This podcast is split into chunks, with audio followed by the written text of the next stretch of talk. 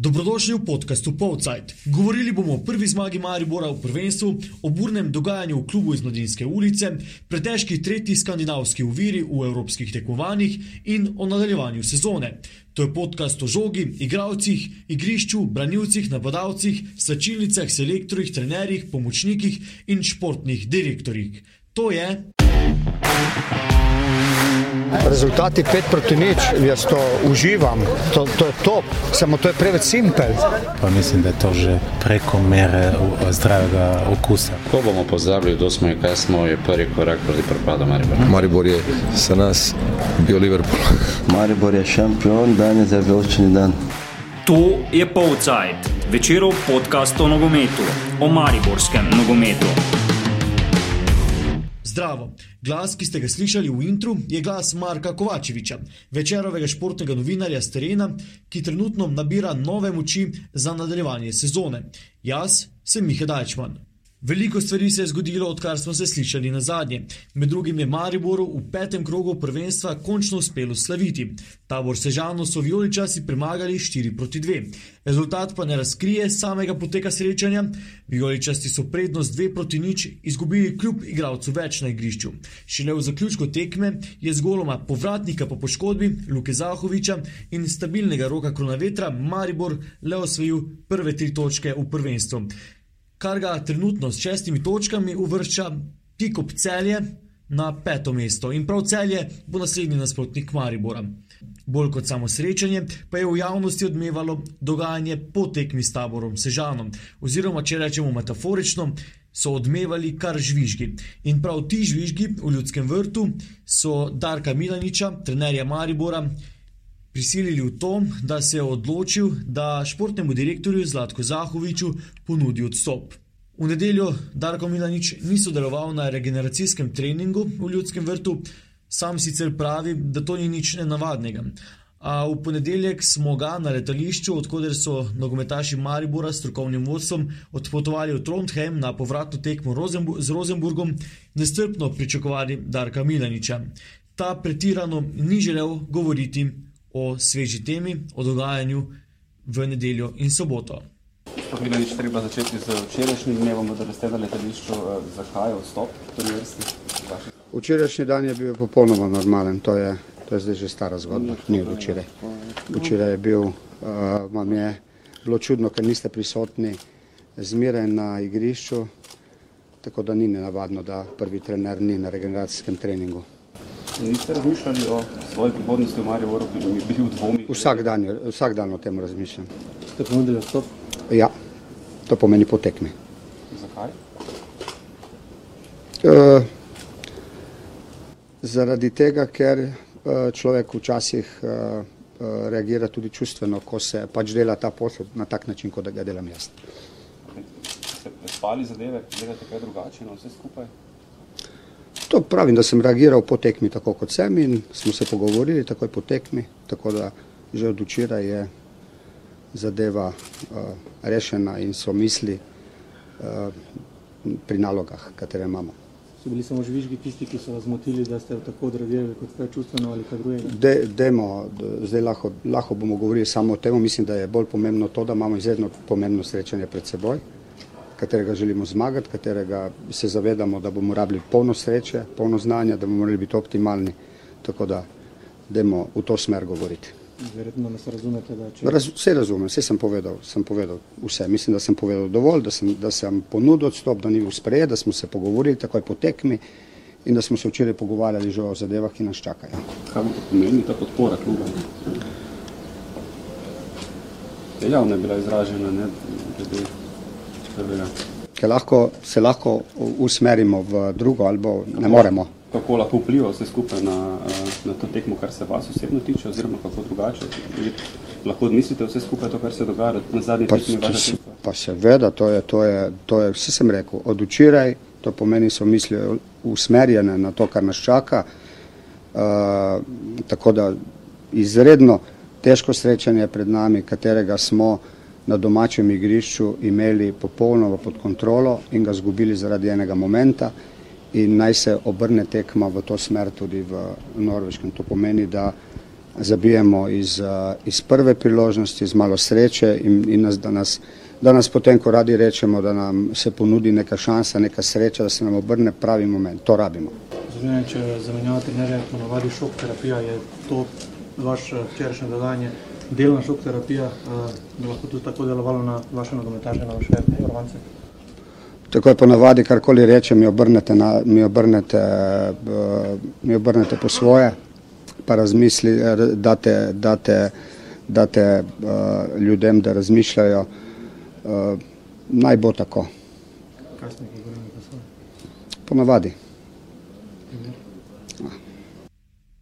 Vezista Maribora, Blaža Vrhovca, smo vprašali, kako je dogajanje za vikend vplivalo na igralce.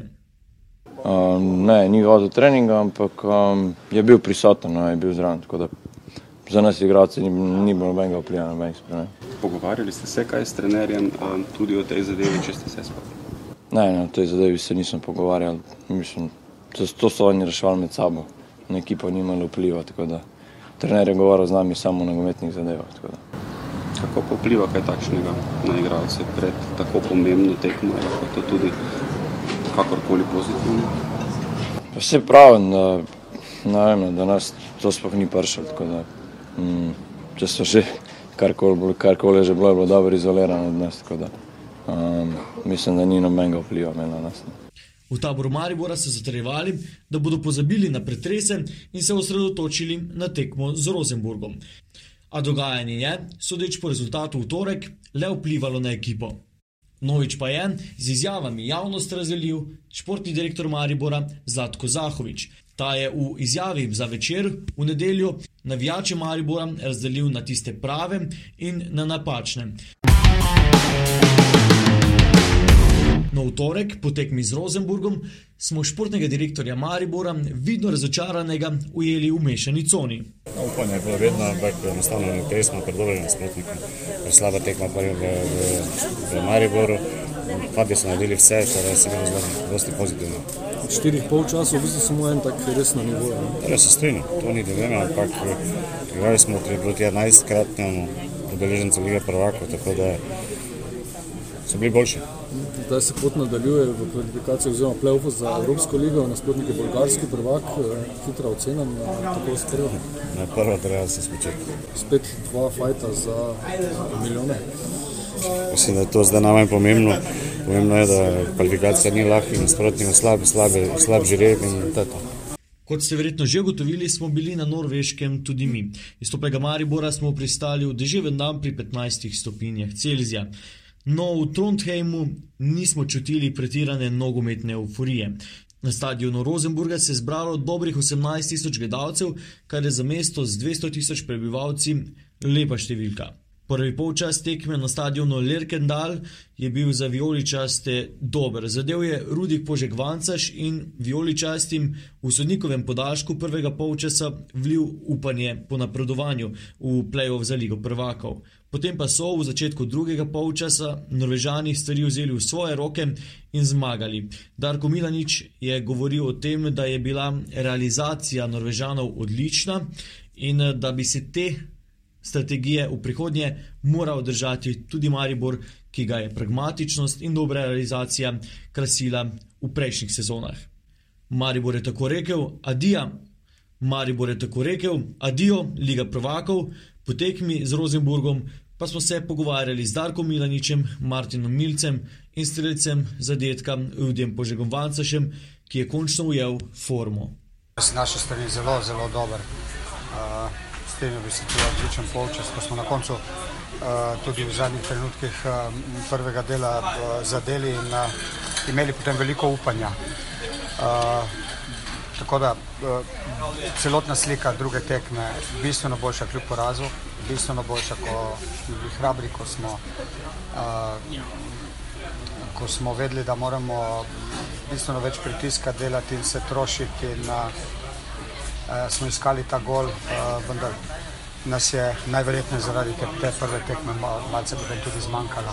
Naš športnik pokazal kvaliteto, neverjetno visoko. Uh, niso bili veliko pred našimi vrati, pa dobiš tri zadetke, mi pa ogromno prometa, z, uh, priložnosti, nekih zaključkov. Tako da jaz, uh, uh, jaz gledam pozitivno na to tekmo. Ja, čudno je reči, dobiš tri gole, vendar je to z, jasno z nekimi popravki, bi bila to prava, prava podoba. Da dobivamo uh, preveč zadetkov, je jasno, to, to, to je res uh, uh, preveliko, da bi, da bi naredil kaj pomembnega, drugače pa slika, pa dinamika in kako smo stali in kakšna želja je bila in kako smo bili kompaktni, gor, do, vse super uh, smo zgledali, pol pa te ena kontra, uh, ker pokaže oni svojo kvaliteto, pa potem prekinitev spet, uh, ti vzame sanje. Ravno, ja, izgledalo je tudi po ena proti ena, še vedno čisto realen, ne, ampak ta prekinitev potem dokončno ubila moral. Oni so, oni so nam, uh, oni so nam v prvem polčasu so se branili malo više, potem po našem zadetku so se branili zelo nizko.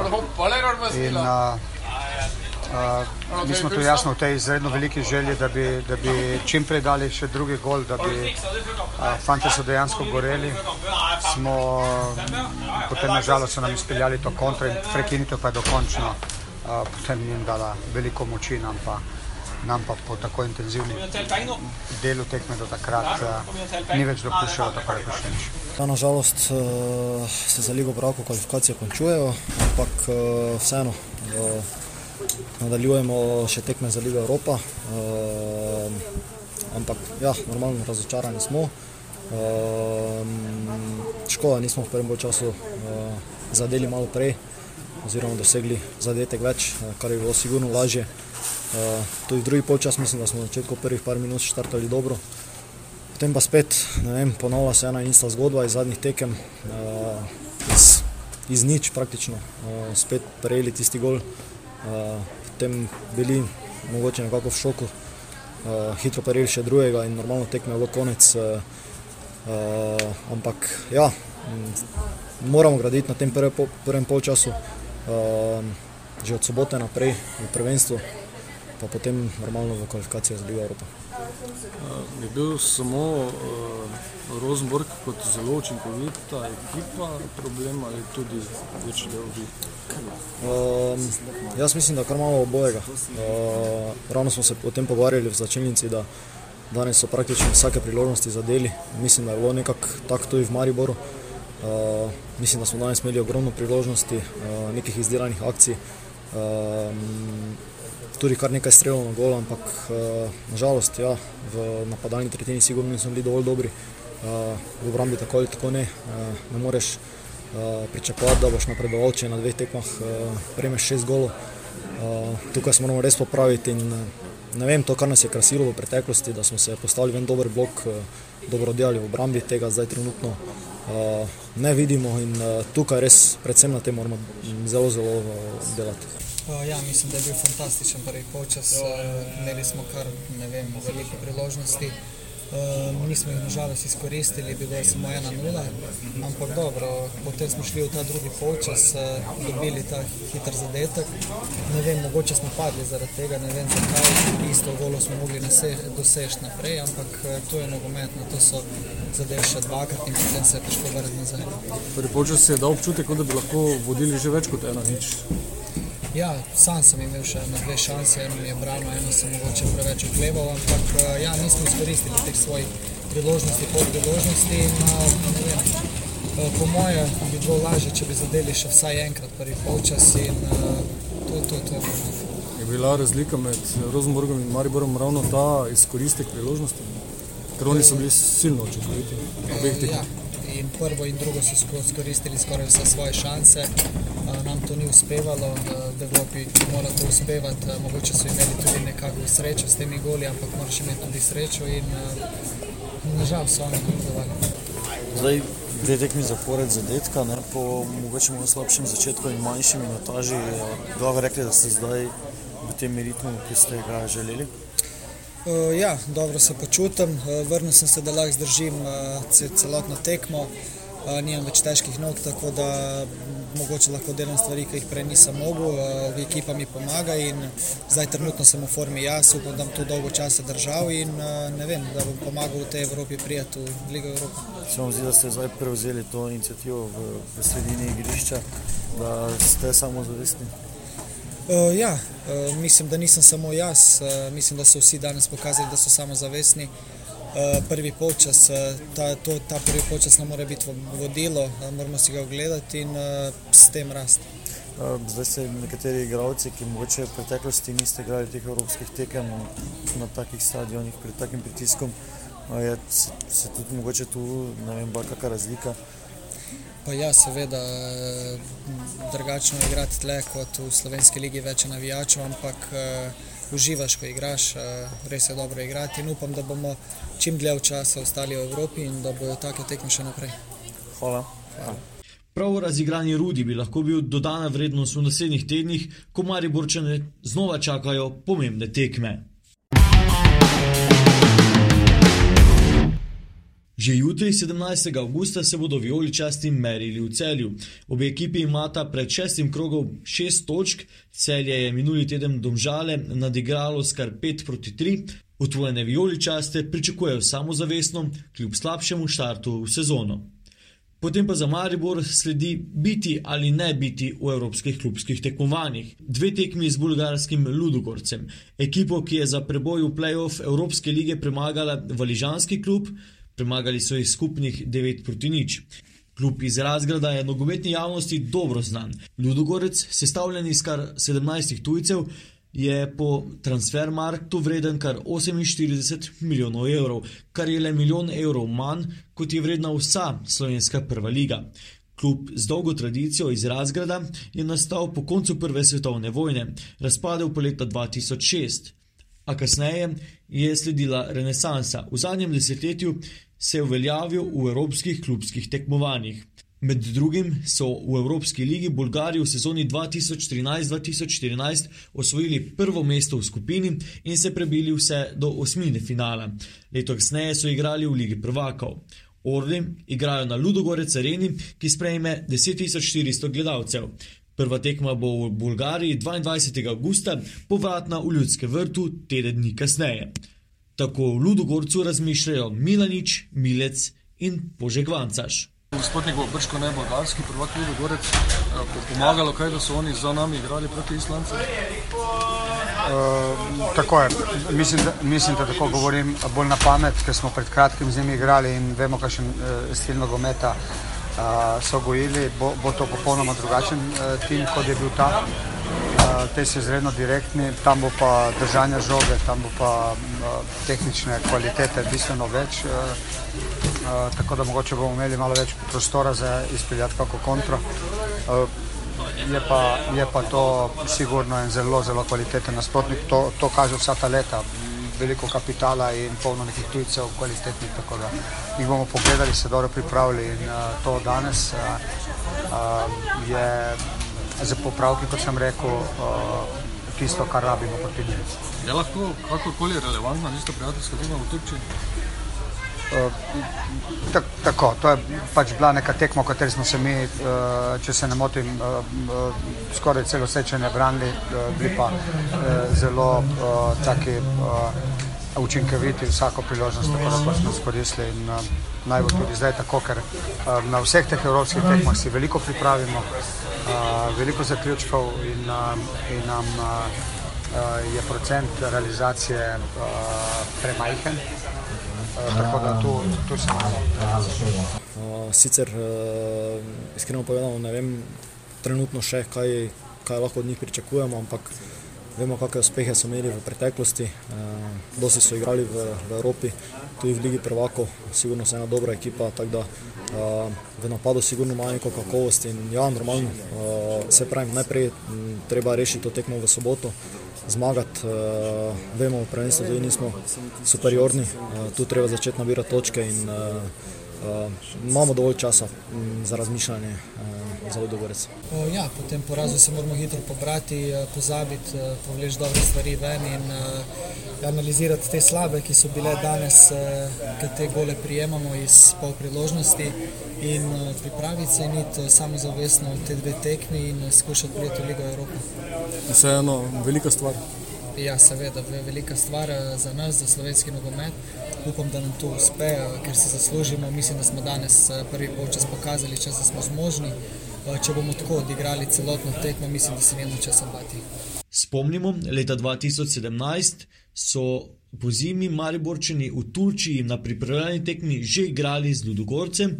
Končen rezultat je bil 2 proti 2. Za Maribor je dvakrat zadev Luka Zahovič, ki se sedaj vrača po poškodbi. Takrat je Ludogorec igral predvsem zelo napadalno, Maribor pa je bil zelo učinkovit. Po celju in med Ludogorcem Maribor čaka še ena tekma z novincem v ligi, z Ljubljanskim Bravom. Po tekmi Maribora in Bolgarov v Ljudskem vrtu 29. augusta bo znano, če bo Maribor sezono nadaljeval v Evropi in jo podaljšal vse do Miklauža, kot so zapisali na naslovnici slovenskega športnega dnevnika ekipa. Takrat bo z vami Marko Kovačevič. Začela se bodo tudi tekmovanja v medobčinski nogometni zvezi Maribor, tokrat iz MNZ Maribor nimamo zgodbe, saj smo v enka Dobrovce in enka Pesnico poklicali pred tednom dni in se pogovarjali o pripravah na pokal Slovenije. Razložili so nam, kako potekajo priprave niže ligašev na tekme v tega ranga.